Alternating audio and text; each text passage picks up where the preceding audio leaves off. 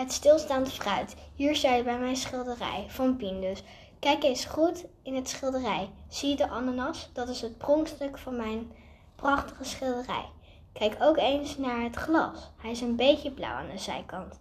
En de rest heb ik wit gelaten.